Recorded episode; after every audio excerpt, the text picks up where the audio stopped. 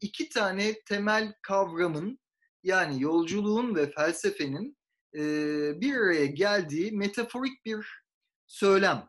Yani e, yolculuk felsefesi aslında başlı başına bir metafor. Fakat özellikle vurgunun, metaforun vurgusunun yapıldığı yer yolculuk tabii. Şimdi e, metaforun yani mecazın yani benzetmenin aslında e, yeri çok fazla düşünmüyoruz belki.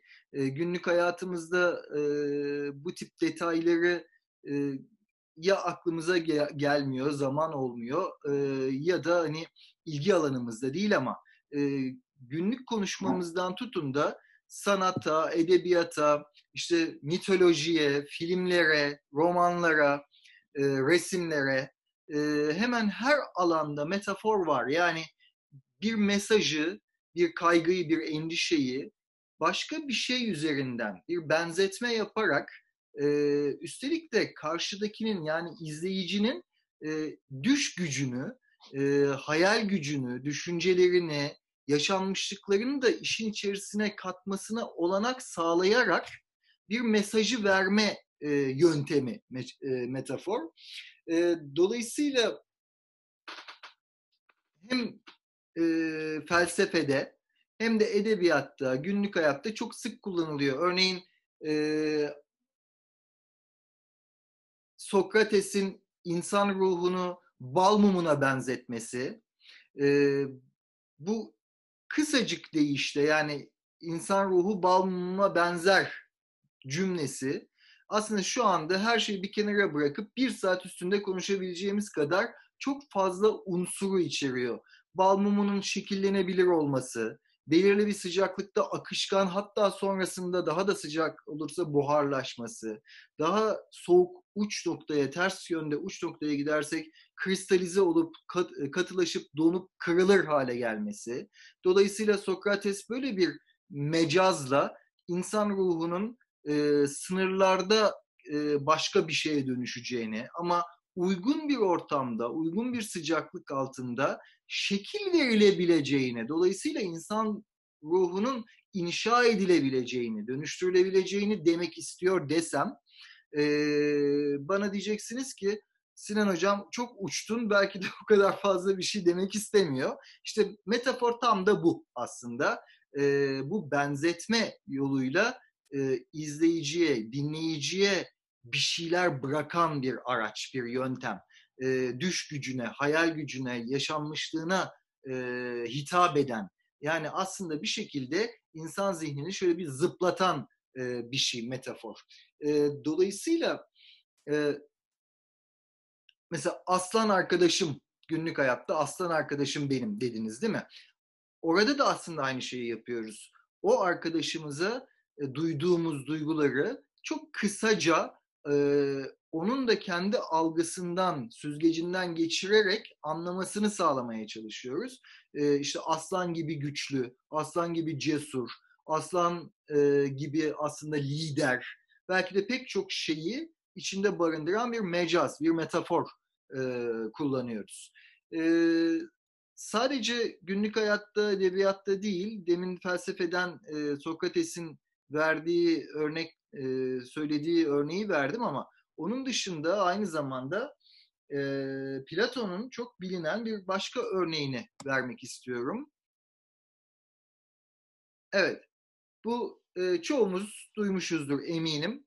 E, Platon'un mağara alegorisi diye de geçer. E, aslında Platon'un günümüzden yaklaşık 2500 sene kabaca e, önce e, tamamen anlatmak istediği şeyleri kolayca, zengince anlatabilmek için inşa ettiği bir alegorik öykü, metaforik öykü. Bilirsiniz işte bir mağaranın içerisinde zincire vurulmuş sıradan insanlar vardır ve sadece mağaradan da çıkamazlar, hatta kafalarını bile oynatamazlar. Tüm görebildikleri duvara yansıyan gölgelerdir.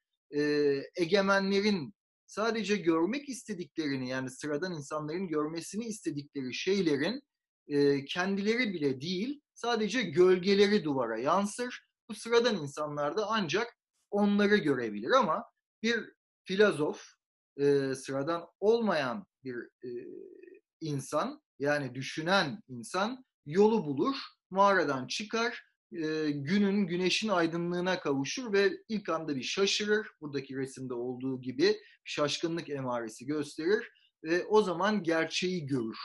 Zamanla gözleri güneşe alıştıktan sonra gerçeği görür. E, bu metaforik yaklaşım oldukça etkilidir aslında.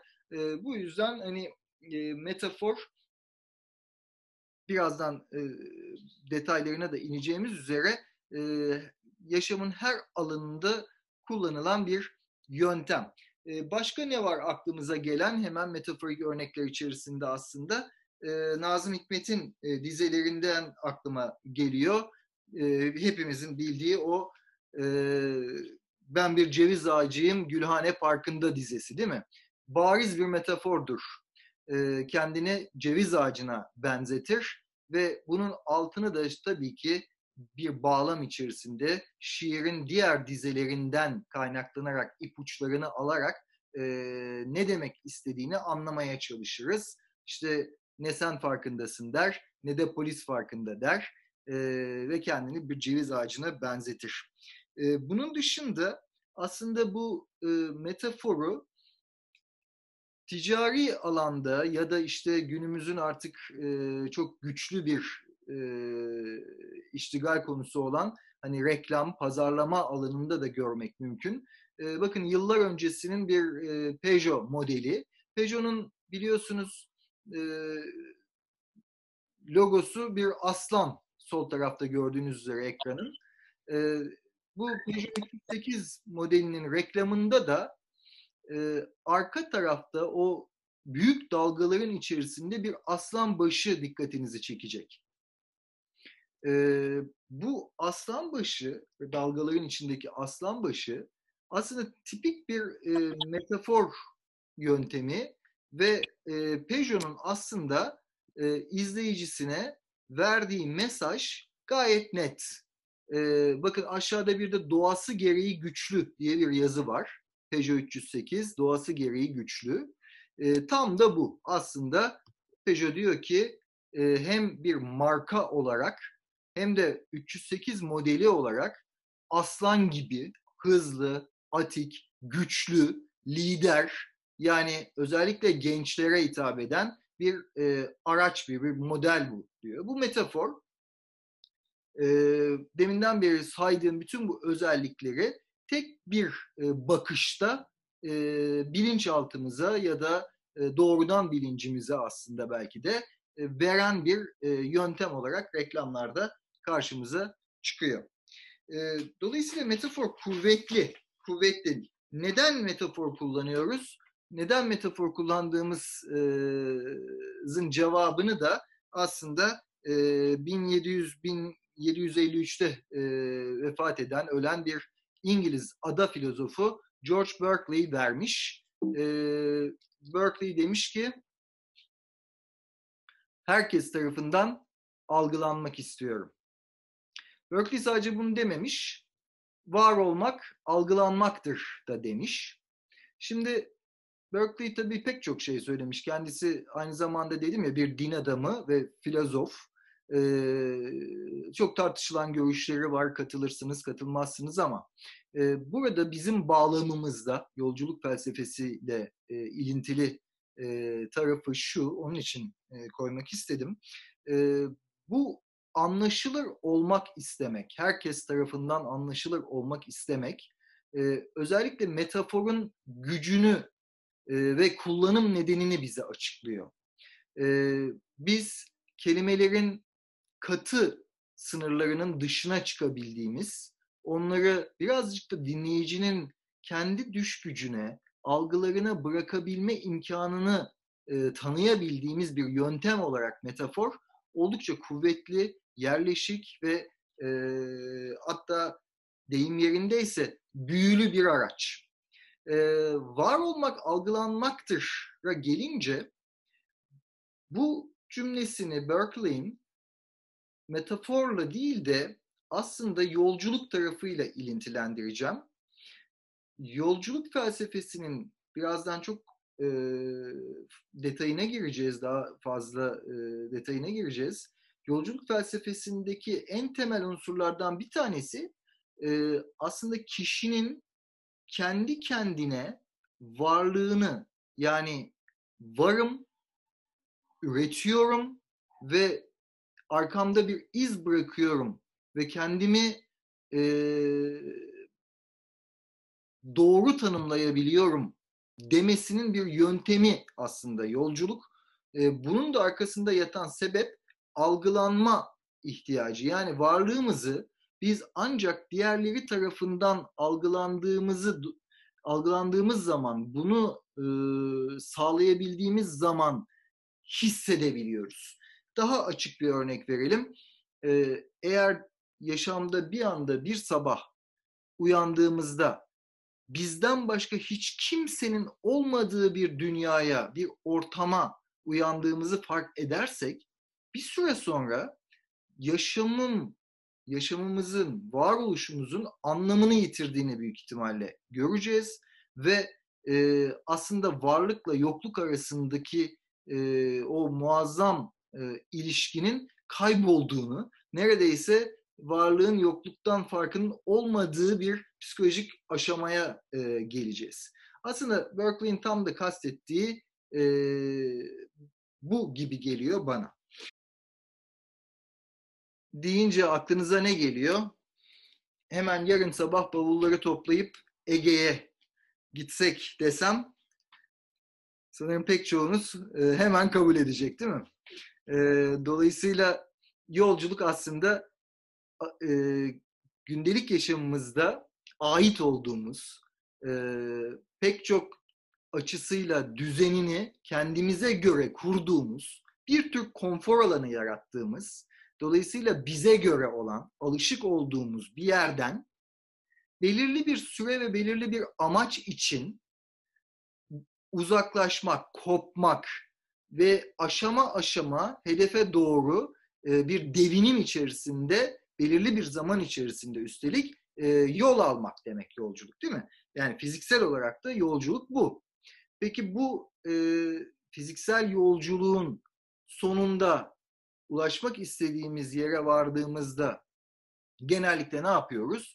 Oradaki işimiz her neyse tatil için gittiysek tatilimizi, iş için gittiysek yapmamız gereken işleri yapıp zamanımız dolduğunda tekrar yolculuğun ters tarafa doğru bitiş tarafının aşamasına geçip yine evimize dönüyoruz. Yani yolculuk başladığı yerde bitiyor.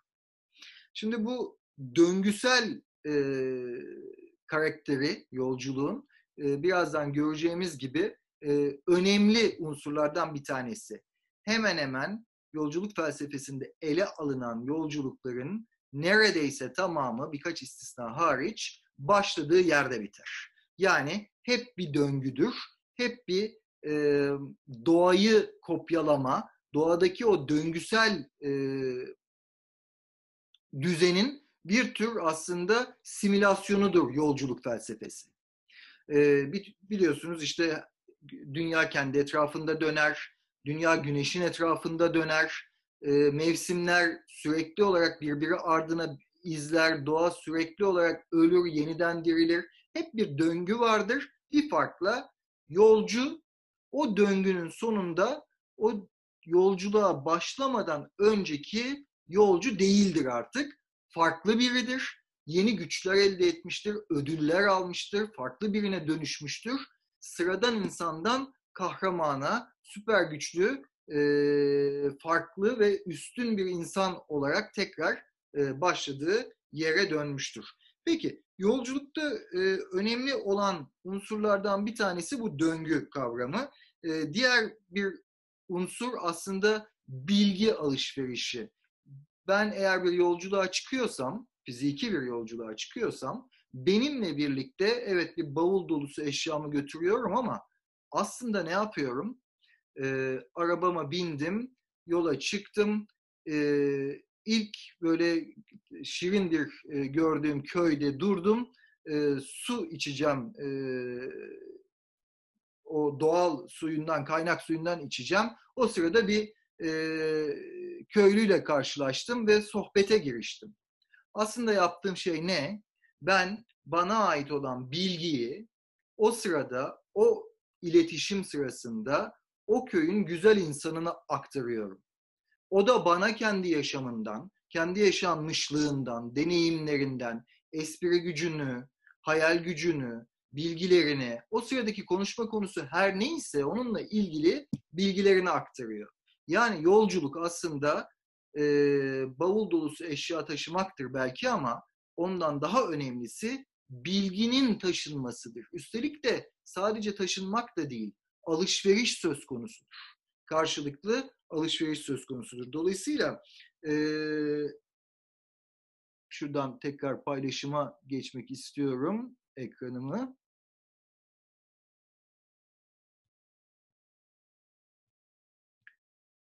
Evet. Peki insan bunu niye yapar? Yani neden paylaşmak ister? Neden yolculuğa çıkmak ister? Ee, onun cevabını da Aristoteles vermiş. İnsan doğası gereği yani doğal olarak bilmek ister demiş Aristoteles. Gerçekten de bu böyle.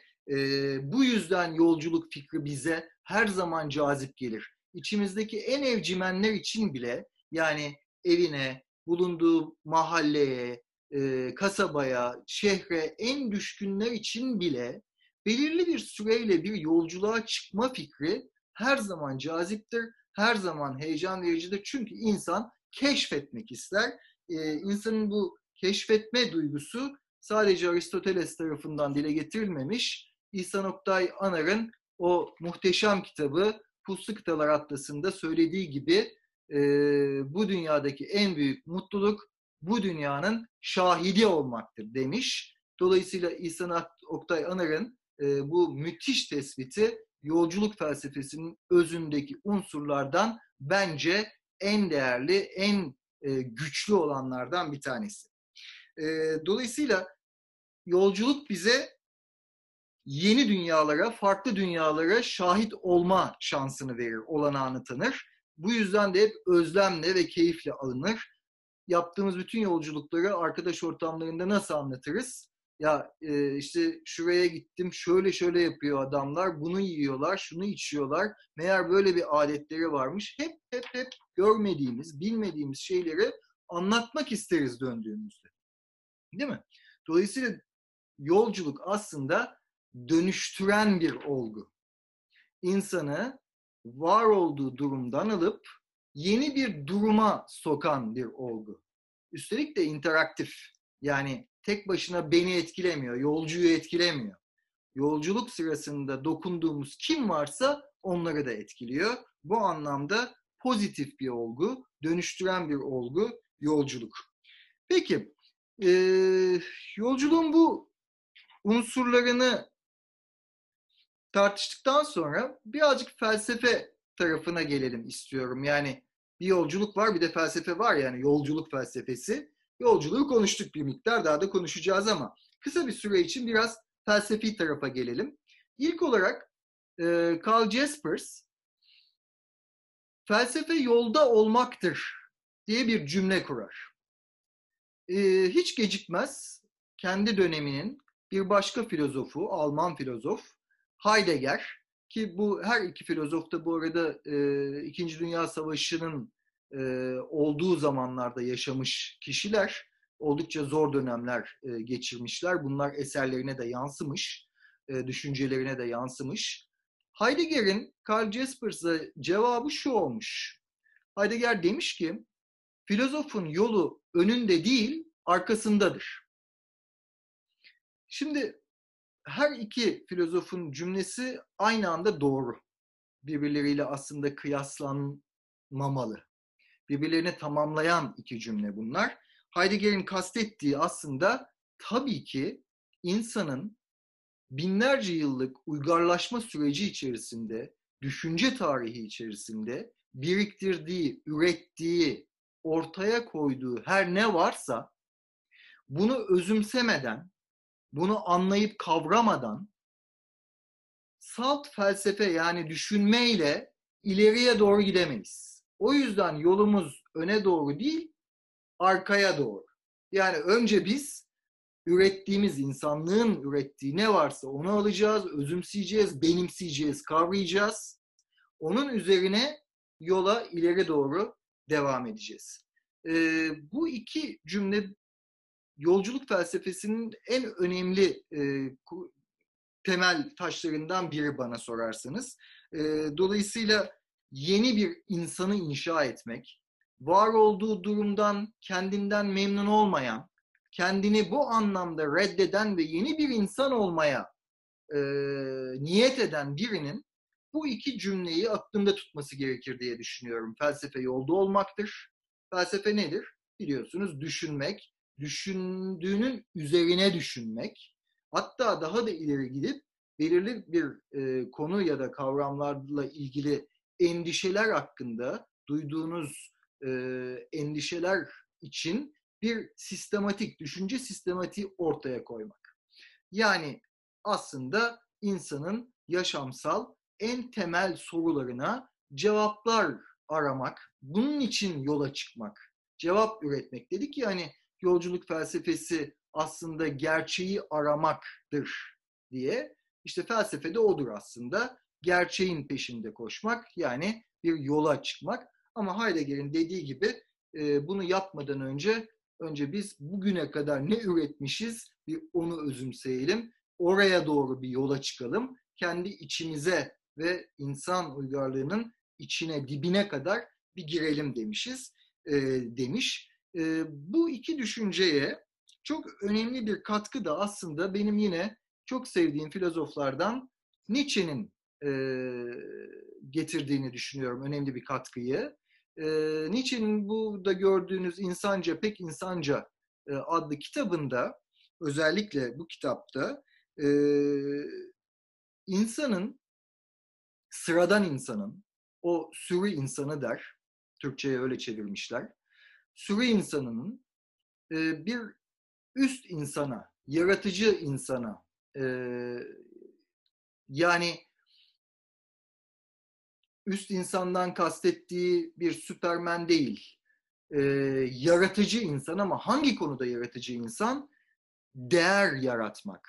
Yani yaşamaya değer, insan hayatını anlamlı kılmaya e, değer, bir şeyleri yaratabilen insana dönüşebilmesi için der Nietzsche, bağlı bulunduğu yerleşik değer yargılarından büyük kopuş adını verdiği bir yolculuğa çıkmasını önerir. Bu büyük kopuş bize verili olan yani doğduğumuzda içine doğduğumuz toplumda e, onun deyimiyle aslında içine fırlatıldığımız bir e, yaşamda bize verili olan değerlerden öncelikle bir kopma, bu kopmanın arkasından sorgulama, sorgulama ve sorgulamanın sonucunda onun deyimiyle nihilizm yani hiççilik e, hastalığına yakalanma, bu hastalığın üstesinden kendine ait içindeki güç ve cesaretle gelip nihilizmi de terk edip e, o yaşanmaya değer, daha doğrusu yaşamı anlamlı kılan yeni değerleri yaratabilecek insan haline gelmek ki buna özgür insan diyor, üst insan diyor, e, yaratıcı insan diyor. O sürü insanının yaratıcı insana dönüşmesinin yolculuğunu böyle anlatıyor Nietzsche. Bunun için de dediğim gibi büyük kopuş adını verdiği bağlı bulunduğu değerlerden e, öncelikle insanın bir kopması gerektiğini şart koşuyor. Şimdi burada bir benzerlik var. O benzerliği birazcık daha vurgulamak istiyorum. Yolculuk felsefesinde de ne dedik? Ee, bir kere her yolculuk başladığı yerde biter dedik ama yolculuğu yapan kişi artık aynı kişi değildir dedik. İşte Nietzsche'nin de söylediği bu aslında. Diyor ki insandan yola çıkın ama tekrar insana varacaksınız. Ama bunu yaparken başladığınız yerdeki değerlerden kopup bir yolculuk yaşayıp o yolculuğun sonunda yeni değerler üretebilecek kapasiteye çıkmanız gerekiyor. Tam da aslında yolculuk felsefesinin de söylediği şey bu ama farklı bir dille söylüyor. Ödül diyor yolculuk felsefesi birazdan göreceğiz. Her kahraman bir ödülle yaşadığı eve, mahalleye, kasabaya, köye döner. O ödül Nietzsche'nin bahsettiği yaratıcı olabilme, yaratma yeteneğidir aslında. Felsefi açıdan baktığımızda. E, dolayısıyla yine söylediğim gibi yolculuk felsefesi pozitif bir değişimi hedef alır. Hiç yürünmemiş bir alanda kişinin kendi yolunu açmasıyla ancak gerçekleştirilebilir. Yani ben başkasının yürüdüğü bir yoldan yürüyerek yolculuk etmiş olmam. Ya da böyle bir yolculuğun sonunda e, yaratıcı insana dönüşemem. Yolu kendim açmam lazım. Ama burada da Heidegger'in söylediğini unutmamak lazım. Yeni ve yaratıcı olmayan bir şeyleri ortaya koyabilecek bir insana dönüşebilmek için önce bugüne kadar ne konmuş ortaya onu anlamam, kavramam ve özümsemem gerekiyor. Yani yolculuk uzun. Öyle kısa değil. Ee, şimdi sorumuz hangi yolun yolcusu olalımdı? Şimdi tarihe baktığımızda, mitolojiye baktığımızda, bugünkü sinema e, eserlerine, edebiyat eserlerine, şarkılara, yani nereye baksak aslında pek çok yolculuk örneğiyle karşılaşacağız. Ben birkaç tane çarpıcı olduğuna inandığım yolculuk örneklerini sizinle paylaşmak istiyorum buradan.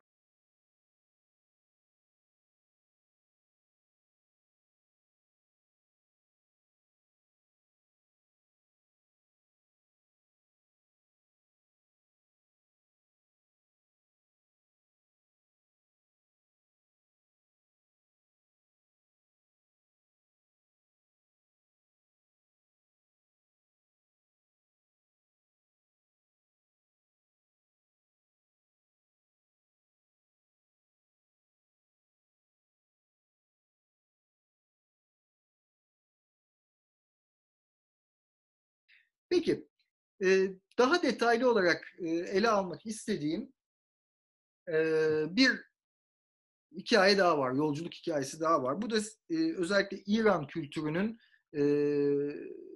çok bilinen ve değerli bir hikayesi, ürünü.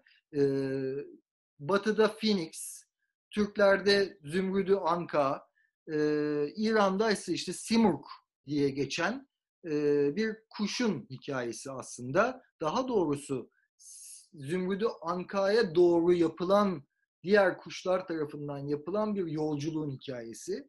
Zamanı biraz kötü kullandım bu akşam. O yüzden bu hikayeyi e, diğer iki önceki iki seminerimde e, uzun uzun anlatmış, okumuştum hatta tadı kaçmasın diye okuyarak anlatmıştım.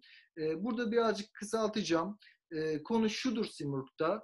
E, kuşlar e, rahat ve güzel bir şekilde yaşarken sıradan dünyalarında e, kendilerinden başka bütün varlıkların bir padişahının, bir liderinin e, hatta tanrısının diyebiliriz farklı versiyonlarda olduğunu konuşuyorlar ve kendi tanrılarının, kendi padişahlarının artık neden olmadığını tartışırlarken araya e, hüt hüt kuşu giriyor. Diyor ki aslında sizin bir tanrınız var. E, çok uzun zamandır bu tanrı size çok yakındı ama siz ondan uzaktınız. Yani siz onu unuttunuz. O size hala yakın aslında. E, gelin diyor birlikte onu aramaya çıkalım. E, kuşların çoğu işte bu yolculuk felsefesindeki unsurlardan biri dedim ya önce bir reddederler kahraman e, sıradan kişi ortamını bırakmak istemez, yolculuğa çıkmak istemez. E, kuşlar da önce bir reddederler falan ama hütüt kuşu ikna eder ve binlerce kuş e, tanrıları Simurg'u aramaya koyulur. Yedi tane vadiden geçerler. Bakın peygamberin e, yolculuğunda da yedi kat vardı. Burada da yedi vadi var. E, bu yedi vadi e, şöyle notlarıma bakayım yanlış hatırlamıyorsam işte irade, aşk gibi böyle bizi zorlayan, dolayısıyla da bizim için aslında sınav olan konulardan ibaret. Evet, aşk, irade, cehalet, inançsızlık, e, yalnızlık, dedikodu ve benlik adı verilen yani e, egoizm diyebilirsiniz belki e, adı verilen yedi vadiden e, geçerler. E, bu vadilerden geçerken o binlerce kuş e, çoğu ya yolda telef olur ya bazıları e, işte yiyeceklerle dolu olan bir vadiden geçerken orada kalmayı tercih eder. Benliğine yenilir yani e, falan filan derken e, yedi vadinin sonunda bir de bakarlar ki 30 tane kuş kalmışlar. Tam da birbirlerine bakıp ya e, yedi vadiyi açtık hala Simurg yok falan derken bir de bakarlar ki Simurg tecelli eder. Bir ses gelir. E, der ki ben bir aynayım. E, siz buraya 30 kuş geldiniz. Daha fazla gelseydiniz o kadar olacaktınız. Daha az gelseydiniz yine o kadar olacaktınız. Dolayısıyla e, siz bu simurg kelime anlamı da si 30 murg da kuş. Simurg 30 kuş zaten simurgun kendisisiniz. İşte bu tecelli anı, aydınlanma anı, anı aslında. Bu aydınlanma anında kuşlar hayrete düşerler. Bir de bakarlar ki gerçekten de kendilerinden başka kimse yoktur. Simurg aslında kendilerinden başka hiçbir şey değildir.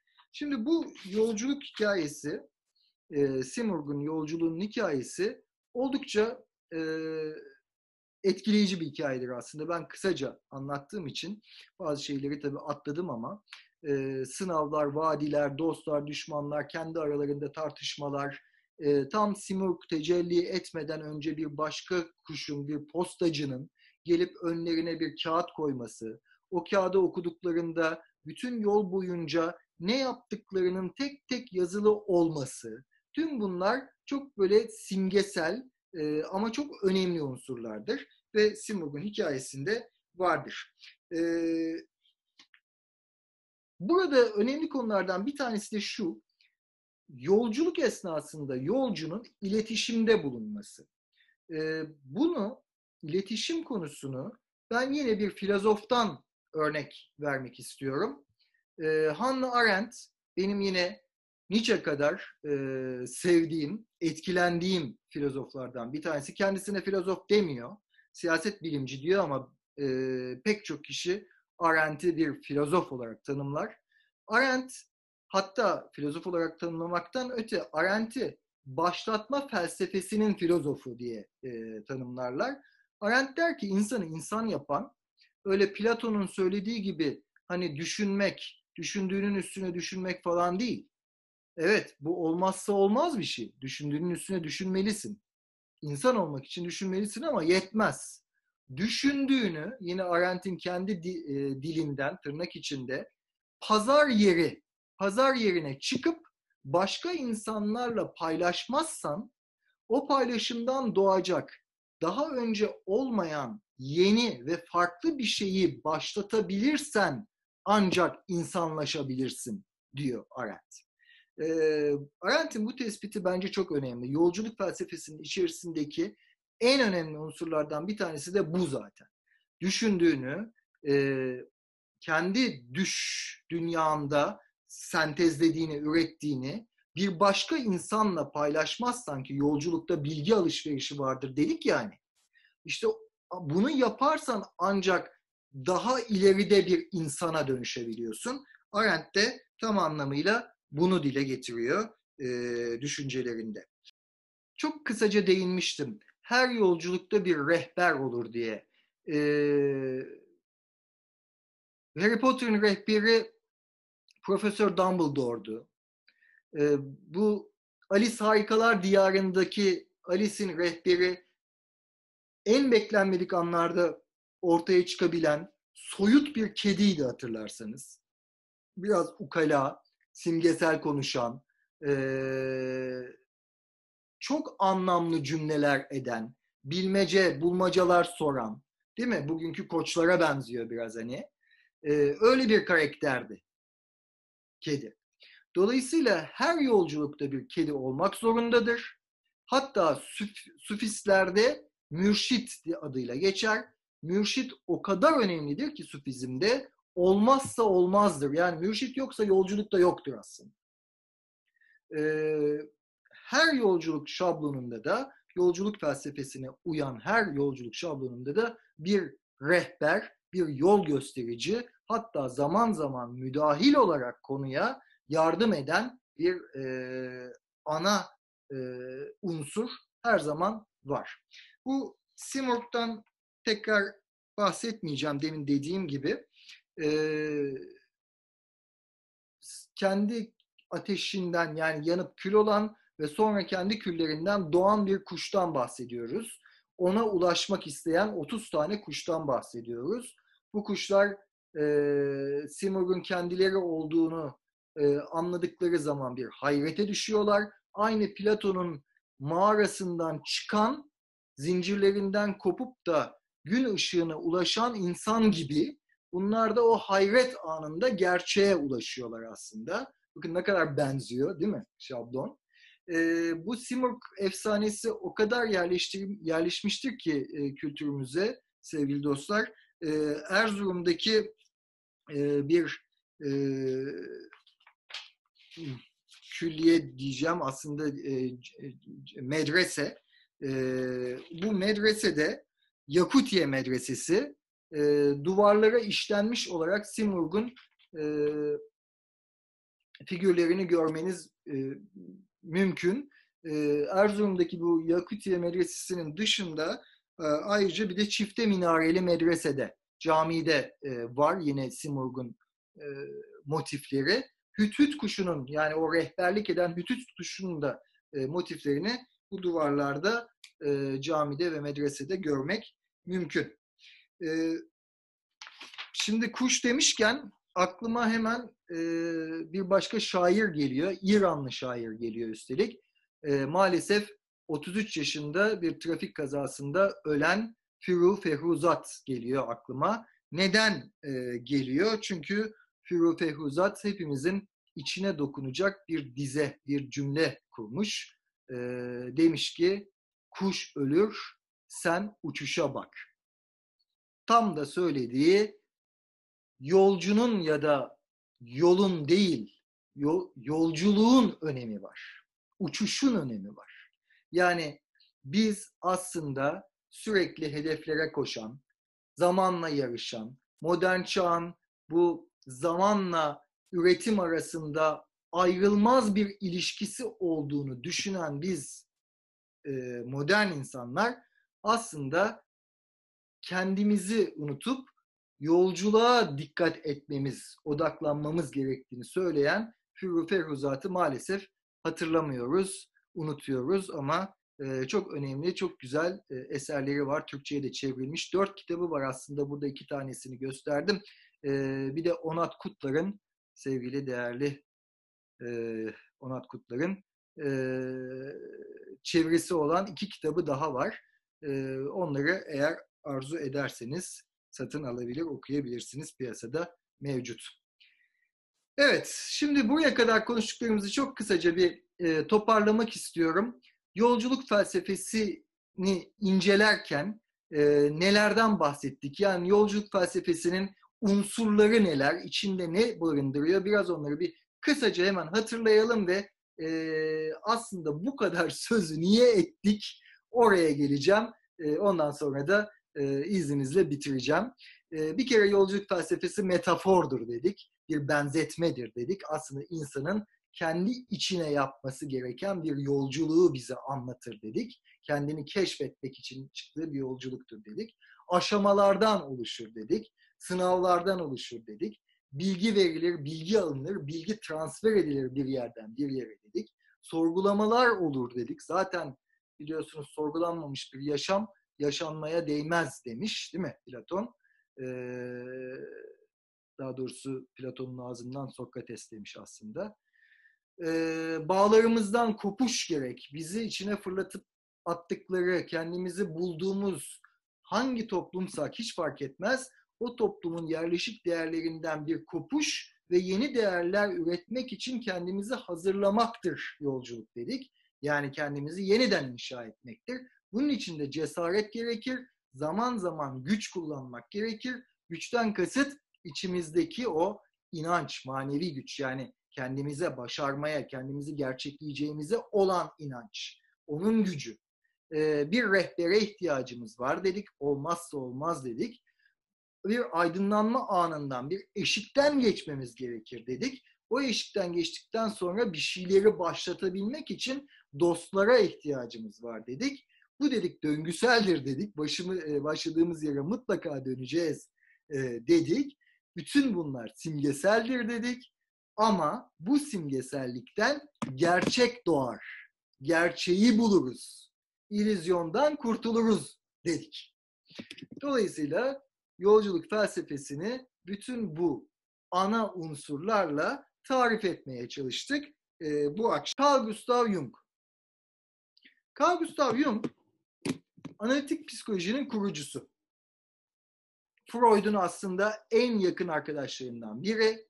Psikanalizin aslında inşası, düşünsel inşası Freud'un e, Jung'la birlikte yaptığı bir şey. Ama ne oluyor?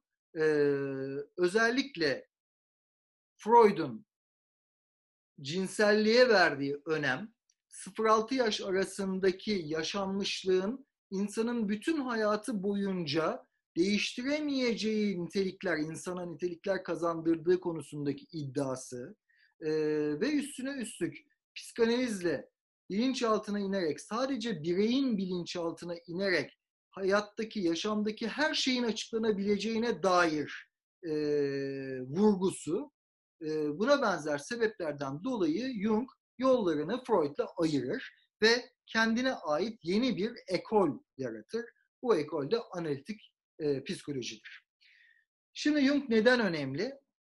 Yolculuk felsefesinin en vurucu e, konusunu diyelim ya da en vurucu niteliğini açıklayan ve aslında puzzle'ı bir anda ortaya koyup bir bütün olarak görmemizi sağlayan kişi Jung. Şöyle ki Jung e, diyor ki Freud'un o hani insanı tanımlarken, insan zihnini tanımlarken ortaya koyduğu ilk ego süperego e, seviyeleri vardı ya, hepimizin bildiği. Hayır diyor Jung, insanda bilinç vardır. Kendisine ait olan yaşanmışlığından doğan, e, Freud'a burada bir gönderme yapar ve benzeşir. Bir kişisel bilinç dışı vardır. Ama diyor en derinde ve belki de en etkili olan ama kişinin asla bilincinde olmadığı bir de diyor kolektif bilinç dışı vardır. Kolektif bilinç dışından kastı şu. Bu hala bir tartışma konusu bu arada. Yani lütfen e, genel geçer tartışılmaz bir doğru olarak kabul etmeyin. Jung diyor ki insan kalıtsal olarak yani genetik olarak doğumdan doğuma en başlangıçtan yani insanın insan olduğu kültürel bir varlık olarak, toplumsal bir varlık olarak var olmayı becerdiği en baştaki andan itibaren ürettiği ne varsa e, arketip dediği yani ilk örnek, ilk model e, dediği taşıma araçları sayesinde genetik olarak bu bilgi jenerasyondan jenerasyona kalıtsal olarak aktarılır ama insan bunun farkında değildir, birey bunun farkında değildir. Kolektif bilinç dışı seviyesinde bu arketiplerde saklanan bilgi insanda vardır. Bunun da örneği olarak şöyle birkaç örnek veriyor aslında. Diyor ki hayatında hiç e, yılan görmemiş bir kişi yılandan korkar. Neden? Çünkü insanın kolektif bilinç dışında yani toplumun yarattığı e, ortak bilinç dışı denen alanda yılandan korkma vardır. Ve bu arketip, bu ilk örnek, yılan arketipi, korkuya kaynak olan yılan arketipi bir şekilde o bireyde baskın hale gelmiştir, bilince, e, bilinç seviyesine çıkmıştır ve korkar. E, şimdi bu iddia ya da bu yaklaşım hani genetiğin böyle bir bilgiyi taşıyıp taşıyamayacağı ayrı bir tartışma konusu. Ama yolculuk felsefesini tanımlayabilmek, anlayabilmek, kendi hayatımızı aslında yolculuk felsefesinin şablonuna göre e, oturtup nerede olduğumuzu şöyle bir e, tartabilmek adına bu model işe yarayan bir model. Yani arketipleri mesela anne arketipi. Jung'a göre her çocuk daha doğduğunda e, bunu kelimeyle dile dökemez ama anne arketipi kafasında, zihninde e, mevcut olarak doğar. Yani annesini tanır, annesini bilir, annesini arar daha ötesi. Dolayısıyla bu arketip konusu önemli Jung'daki. Ee, yani ilk model demek. Ee, Jung sadece bunları söylemekle kalmaz. Ayrıca der ki e, insanın kişiliğini oluşturan arketiplerden en önemli dört tanesi de hatta beşincisi de işte bu e, aşama arketipi ya da kahraman arketipi dediğimiz yolculuk felsefesinde anlattığımız kahramanın yolculuğu arketipi. Ona geleceğiz. Onun için burada yazmadım. Persona bizim dışarıda içinde bulunduğumuz ortama, sıfatımıza, e, duruma göre takındığımız haller aslında. Yani öğretmensem sınıftaki durumum, davranışım. Anneyken annelik, babayken babalık durumum. Ee, birinin öğrencisiyken ki öğrenci personam. Bütün bunlar bir arketip olarak, persona dediğimiz arketipler olarak kolektif bilinç dışımızda mevcut. Gölge insanların tümünün içinde bulunan o karanlık taraf. Aslında bizim de çok bilmediğimiz, hatta hani böyle bazen inanılmaz tepkiler veririz ya bir şeylere. Sonra oturup düşünürüz.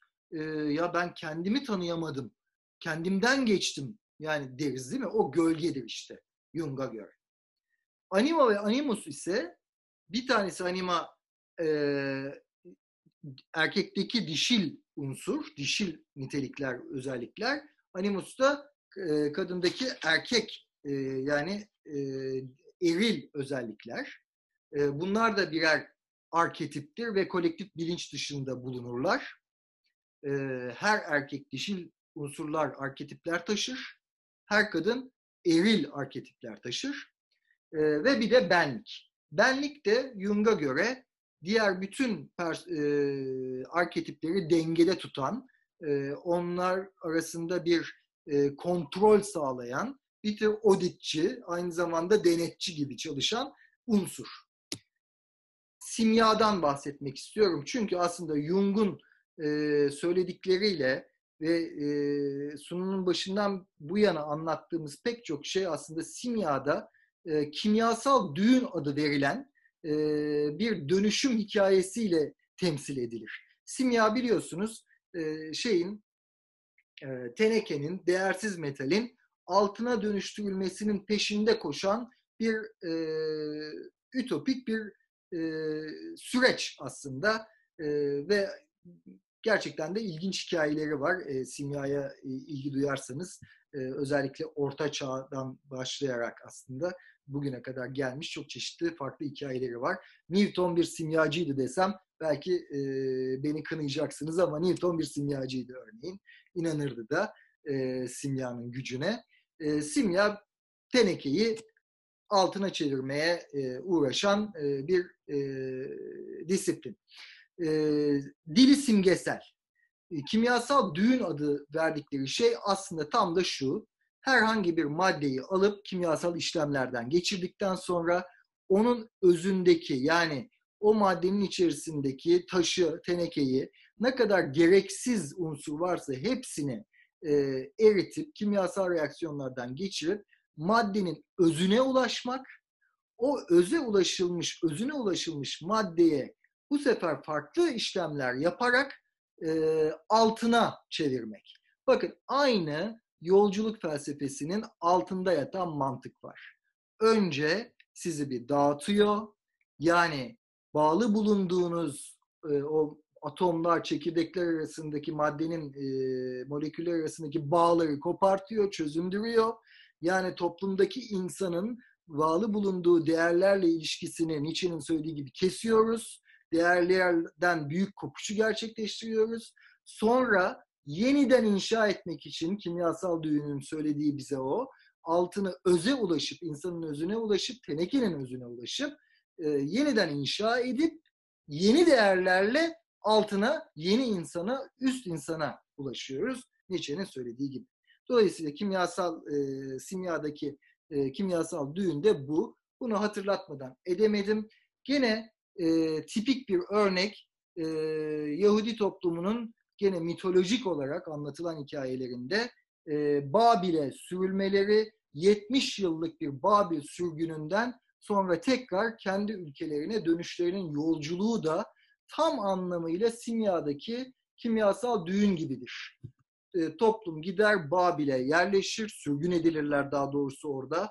Köle e, özgür değillerdir Babil'de. E, orada Babil'in e, kültürü onların kültürüne nüfuz eder, karmaşa çıkar, çözünürler, kendi aralarında e, savaşırlar. O olur, bu olur. Oradan 70 yıl sonra tekrar e, kendi ülkelerine yani kendi topraklarına altına dönüşmek üzere yola çıkarlar. Bu da tipik bir e, yolculuk hikayesidir. Joseph Campbell 1949'da yazdığı bu kitap Kahramanın Sonsuz Yolculuğu diye çevrilmiş Türkçe'ye. Aslında orijinal adı Binbir Yüzlü Kahraman. Binbir Yüzlü Kahramanın e, yolculuğu. Orijinal e, adının Türkçesi, ta, tam Türkçesi bu ama biz e, Türkçe'ye e, Kahramanın Sonsuz Yolculuğu diye çevirmişiz. E, önce Kabalcı yayınlarından çıkmıştı, tükendi. Sonra Itaki yayınları şu anda çıkartıyor kitabı. Tavsiye ederim. Ee, Joseph Campbell ne yapmış? Neden önemli bu kitap? Ee, Campbell aslında şunu fark etmiş. Ee, çalıştığı, üstünde e, zaman harcadığı onlarca, yüzlerce mit, halk hikayesi, e, öykülerdeki bir ortak yapıyı, bir ortak şablonu fark etmiş. E, Campbell bu şablona e, dünyanın bütün neredeyse uluslarının, coğrafyalarının, insanlarının, e, toplumlarının kültürlerinde rastlamış. Hepsinden de örnek veriyor kitabında. E, ve ortaya 17 basamaklı bir e, kahramanın yolculuğu şablonunu çıkartmış. Bakın şimdi iki şey önemli. Neden e, üstünde duruyorum? Bir, Campbell bu kitabında sonuç olarak şunu iddia ediyor. Aynı Jung'un iddia ettiği, aynı Nietzsche'nin iddia ettiği, Nietzsche'nin e, yine sona sakladığım bir paragraf okuyacağım sizinle. İnanılır gibi değil. Yani Campbell'ın söylediğiyle, Jung'un söylediğiyle neredeyse aynısını söylüyor ve çok felsefi bir dille ama çok anlaşılır, yalın bir dille söylüyor. Çok güzel söylüyor. Onu da sizinle paylaşacağım e, dediği önemi, önemi şuradan geliyor. Din, dil, ırk, zaman, çağ, toplum, coğrafya bunların hiçbirinin önemi yok. Bunların hepsinin üstünde ve tek bir monomit, tek bir şablon var. Yaşadığımız çağdan, zamandan, toplumların alışkanlıklarından, ahlak anlayışlarından, etikten, ondan, bunların hepsinden bağımsız ortak bir şablon var diyor. Bu şablonu da ortaya çıkarmış. 17 basamaktan şimdi göstereceğim. Oluştuğundan bahsediyor. Bu anlamda önemli Campbell'ın kitabı. Üstelik Campbell Jung'un bu arketiplerini refere ediyor.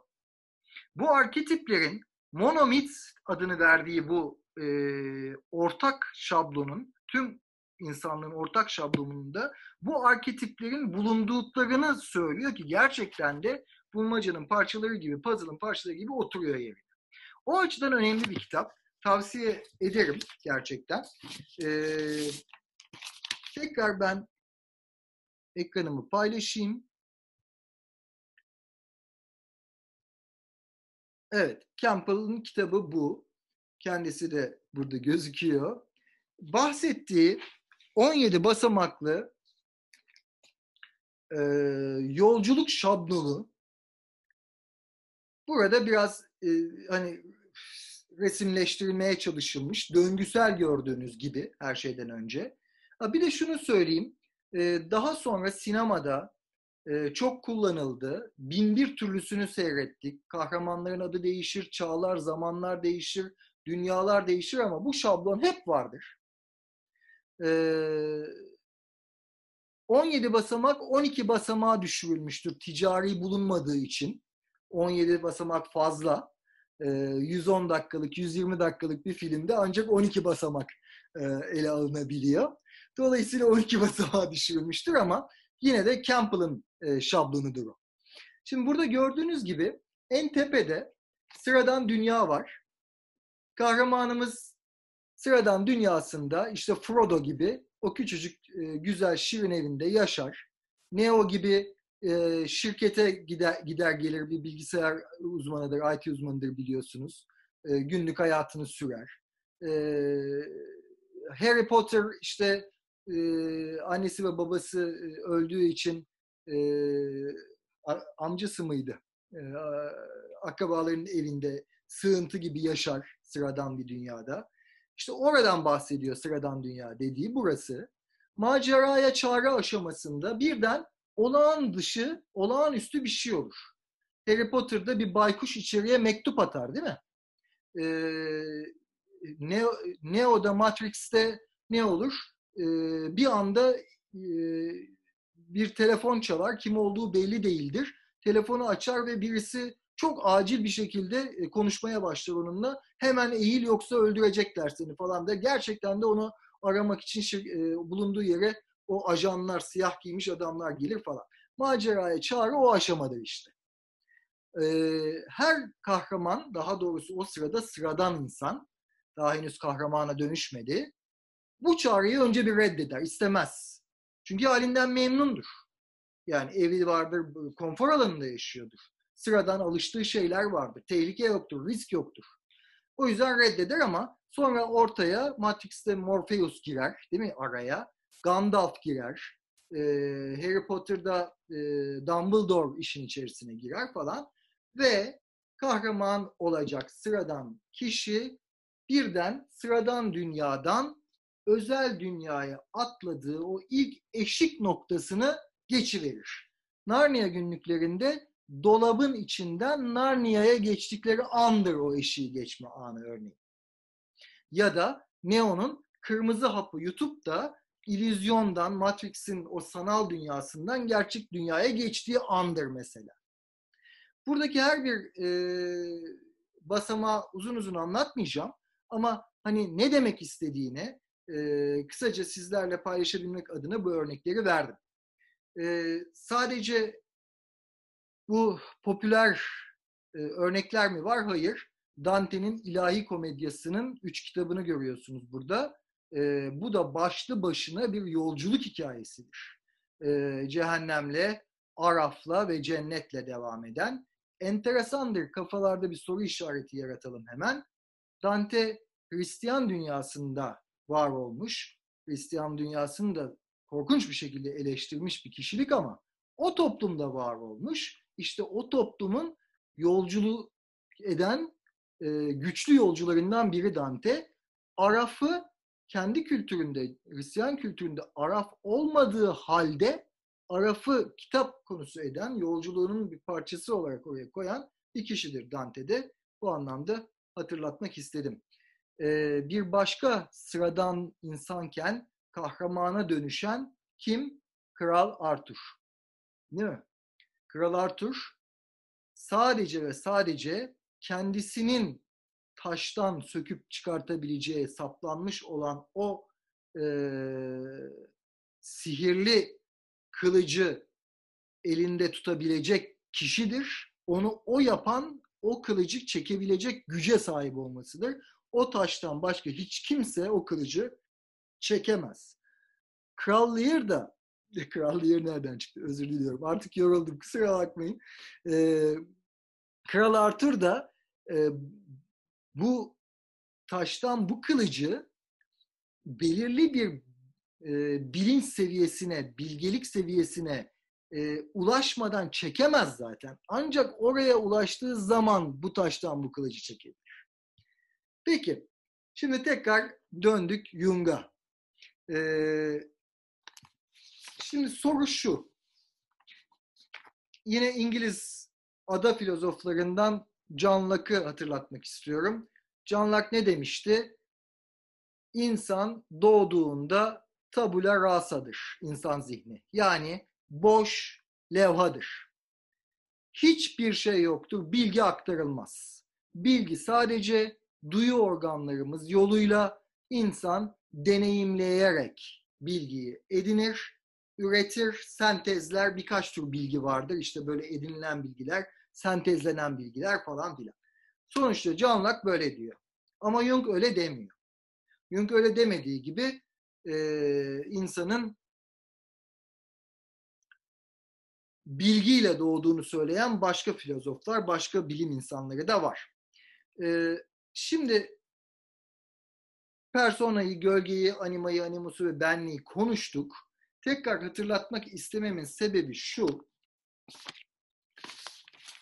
Bütün bu arketipler Jung'a göre insanda iz bırakır. Biz bu izlerin farkında değiliz ama öyle anlar gelir ki bir anda ortaya çıkarlar, bilinç seviyesine yük, e, yüklenir, e, yükselirler ve bizim davranışlarımıza yön verirler. İşte burası bizi ilgilendiriyor. Yolculuk felsefesinde bizi ilgilendiren kısım burası. Davranışlarımıza yön vermesi, bu binlerce yıllık insan uygarlığının birikiminin, arketiplerinin günlük yaşamda davranışlarımıza yön vermesi iddiası aslında tam da bizi geçmişimize bağlayan ne varsa ondan doğru faydalandığımız takdirde ileriye ama bu bağı bir tür güvenlik şemsiyesine dönüştürüp kendimiz için bir saklanma, sığınma, Arendt'in dediği gibi mağaraya sığınıp kendi başımıza düşünmeye çevirirsek bizi geriye doğru götüren bir yolculuğa götürüyor. Yani yolculuk bu sefer ileri doğru da olabiliyor, geri doğru da olabiliyor. Geriye doğru da olabiliyor. Yani e, bu anlamda Jung'un ve e, hmm, Campbell'ın tespitleri örtüşüyor ve insanı kendini gerçeklemesi için önce geçmişini, binlerce yıllık birikimini bir özümsemesi, özümsedikten sonra da ileriye doğru cesaretle yola çıkması gerektiğine dair bir e, vurgu yapıyor bize. Şimdi e, ben ne demek istediğimi biraz daha Nietzsche üzerinden Jung'la e, analoji yaparak e, devam ettirmek istiyorum. E, Nietzsche'nin insanın, toplumun kültürünü oluşturan dört temel ögeden e, bahsettiğini söylemiştim. Bunlar din ya da inanç, felsefe, sanat ve bilim. Nietzsche'ye göre bu dört sütun bir toplumu toplum yapan e, olmazsa olmaz ögeler. Jung ne diyor? Jung da aslında bir insan için yani Jung'un insan kavrayışında bu dört ana arketip o insanın günlük yaşamını yönlendiren arketipler diyor. Persona, anima, animus, gölge ve ben. Şimdi Nietzsche felsefeyi din, sanat ve bilimin üzerindeki kontrol eden, dengeleyen, onları e, adaletli bir şekilde e, dizginleyen e, unsur olarak felsefeyi öne sürer. Jung ise benliği, diğer bütün arketipler arasındaki dengeyi sağlamakta sorumlu tutar. Bu anlamda felsefe Jung'un benliğidir. Bakın bu enteresan. Neden enteresan? Felsefe ne? İnsana ait bir etkinlik değil mi? İnsana ait, insanın düşünme etkinliği. E, benlik ne? İnsanın kendi. Kendi kendini değerleme. Kendi kendi üzerinden bir denge yaratma ve bunun içinde bir e, düşünme etkinliğine girmen gerekiyor. Yolculuk bu. Düşünme etkinliğine girmek. Düşünmek yani. Kendin hakkında düşünmek. E, ve ilerlemek aslında. Dolayısıyla E, bu konu önemliydi benim için. E, yine simyanın o ünlü e, kısaltması, e, vitriol kısaltmasıyla sonlandırmak istiyorum aslında sözlerimi. E, bu Latince işte visita interiore terra rectificando invenie occultum yani gerçeği arıyorsan gerçek en dipte en dibe git gerçek orada orada bulacaksın diyen bir e, simya kısaltması e, diyebiliriz bu vitriole.